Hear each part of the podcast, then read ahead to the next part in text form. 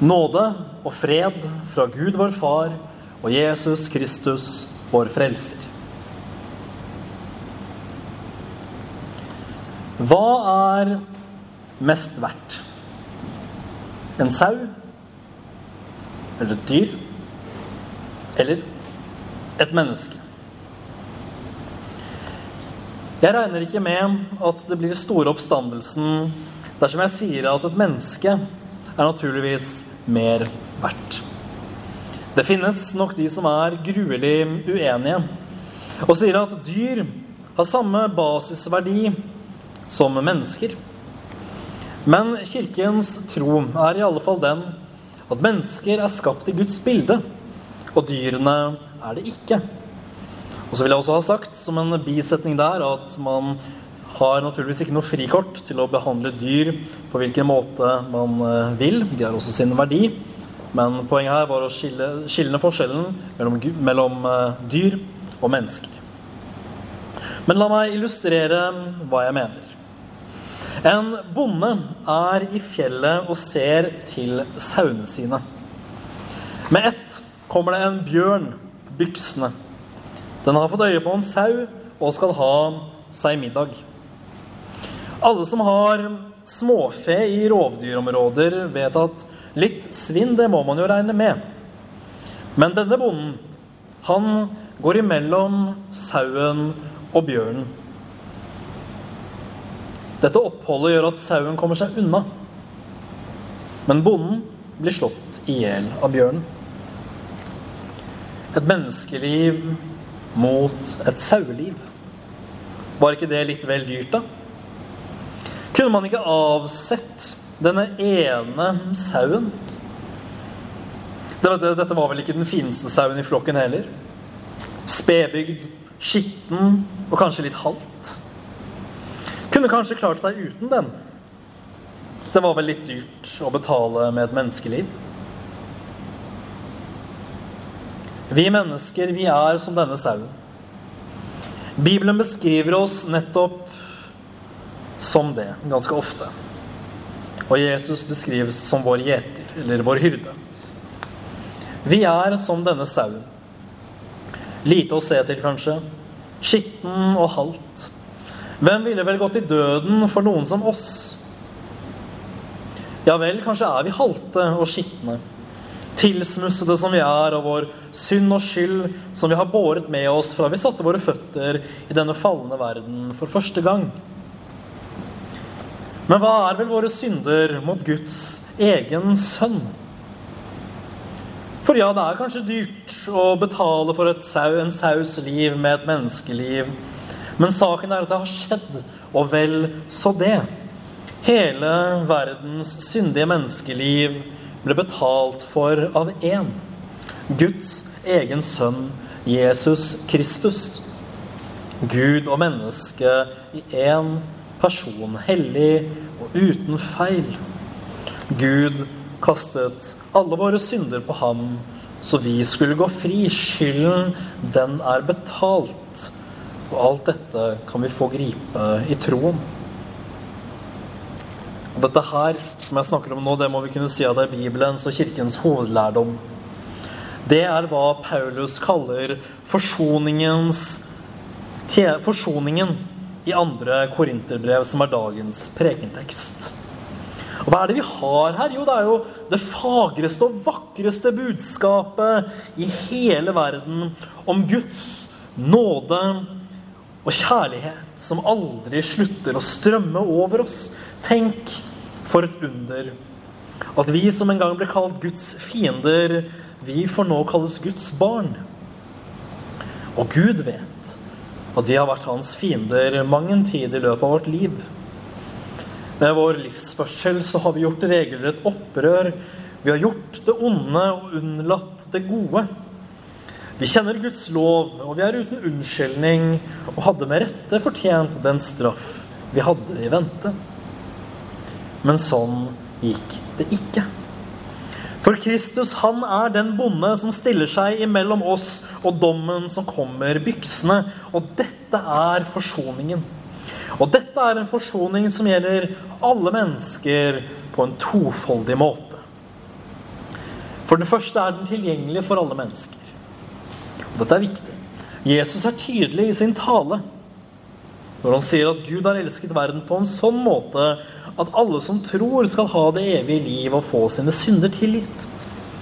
Her kan det ikke være noen tvil, men det finnes tvil, og det finnes de som søker å skape denne tvil. Og det er vi nødt til å gå i rette med. Noen vil ha det til at Jesus Kristus ikke døde for hele verden, men bare for noen få utvalgte. Og dette er en farlig tanke, for da begynner fort usikkerheten eller kanskje heller også den usikre sikkerheten. Noen som tror, kan bli forferdede. Usikre på om 'jeg er blant de utvalgte'.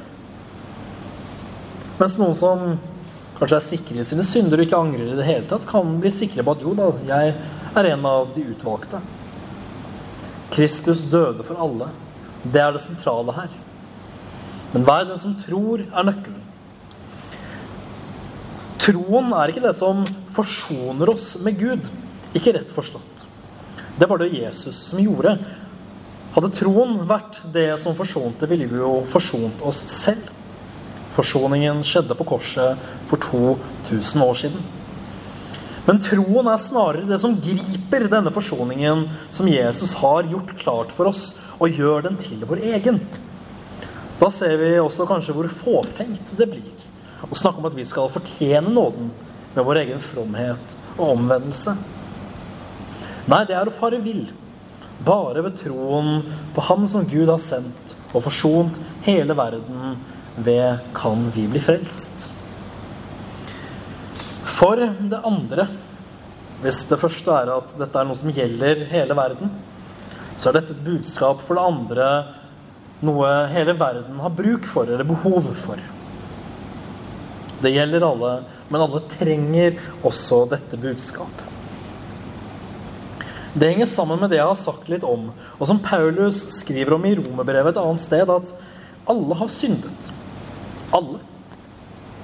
Da ser vi hvordan dette er et budskap som handler om mer enn selvhjelp eller et bedre liv.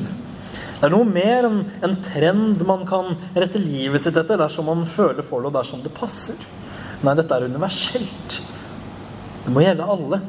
Og det må det gjøre.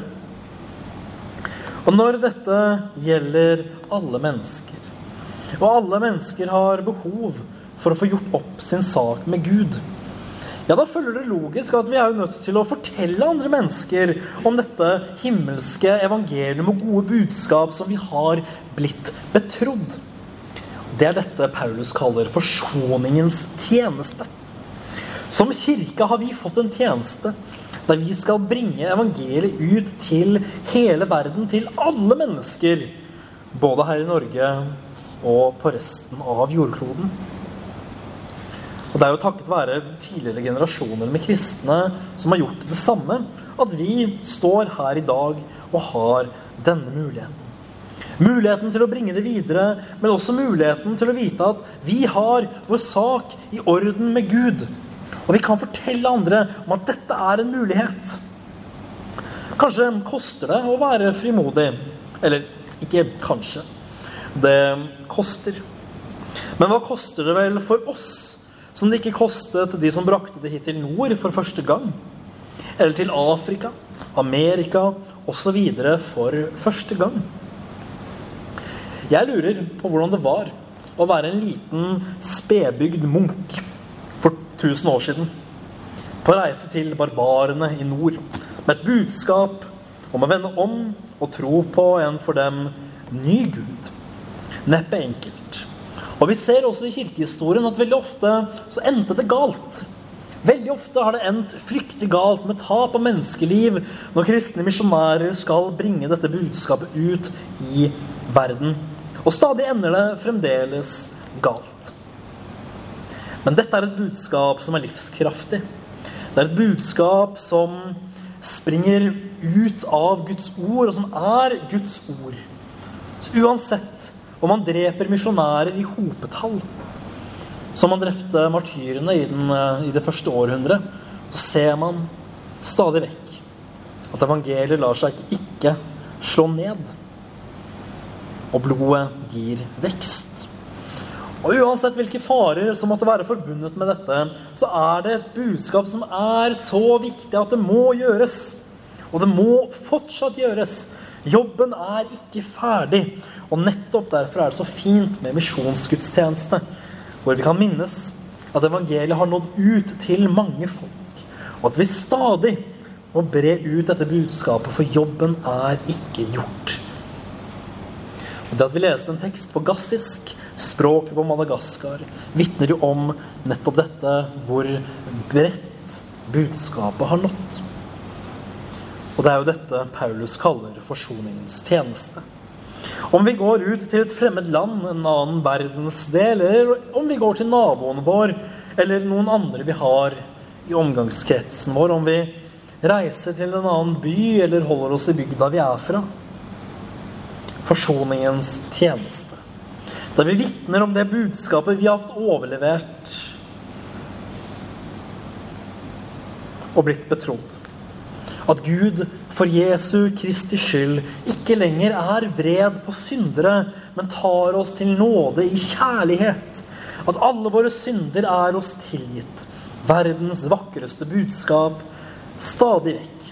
Hver dag, til alle tider, så lenge vi trekker pust, må vi møte mennesker med dette budskapet.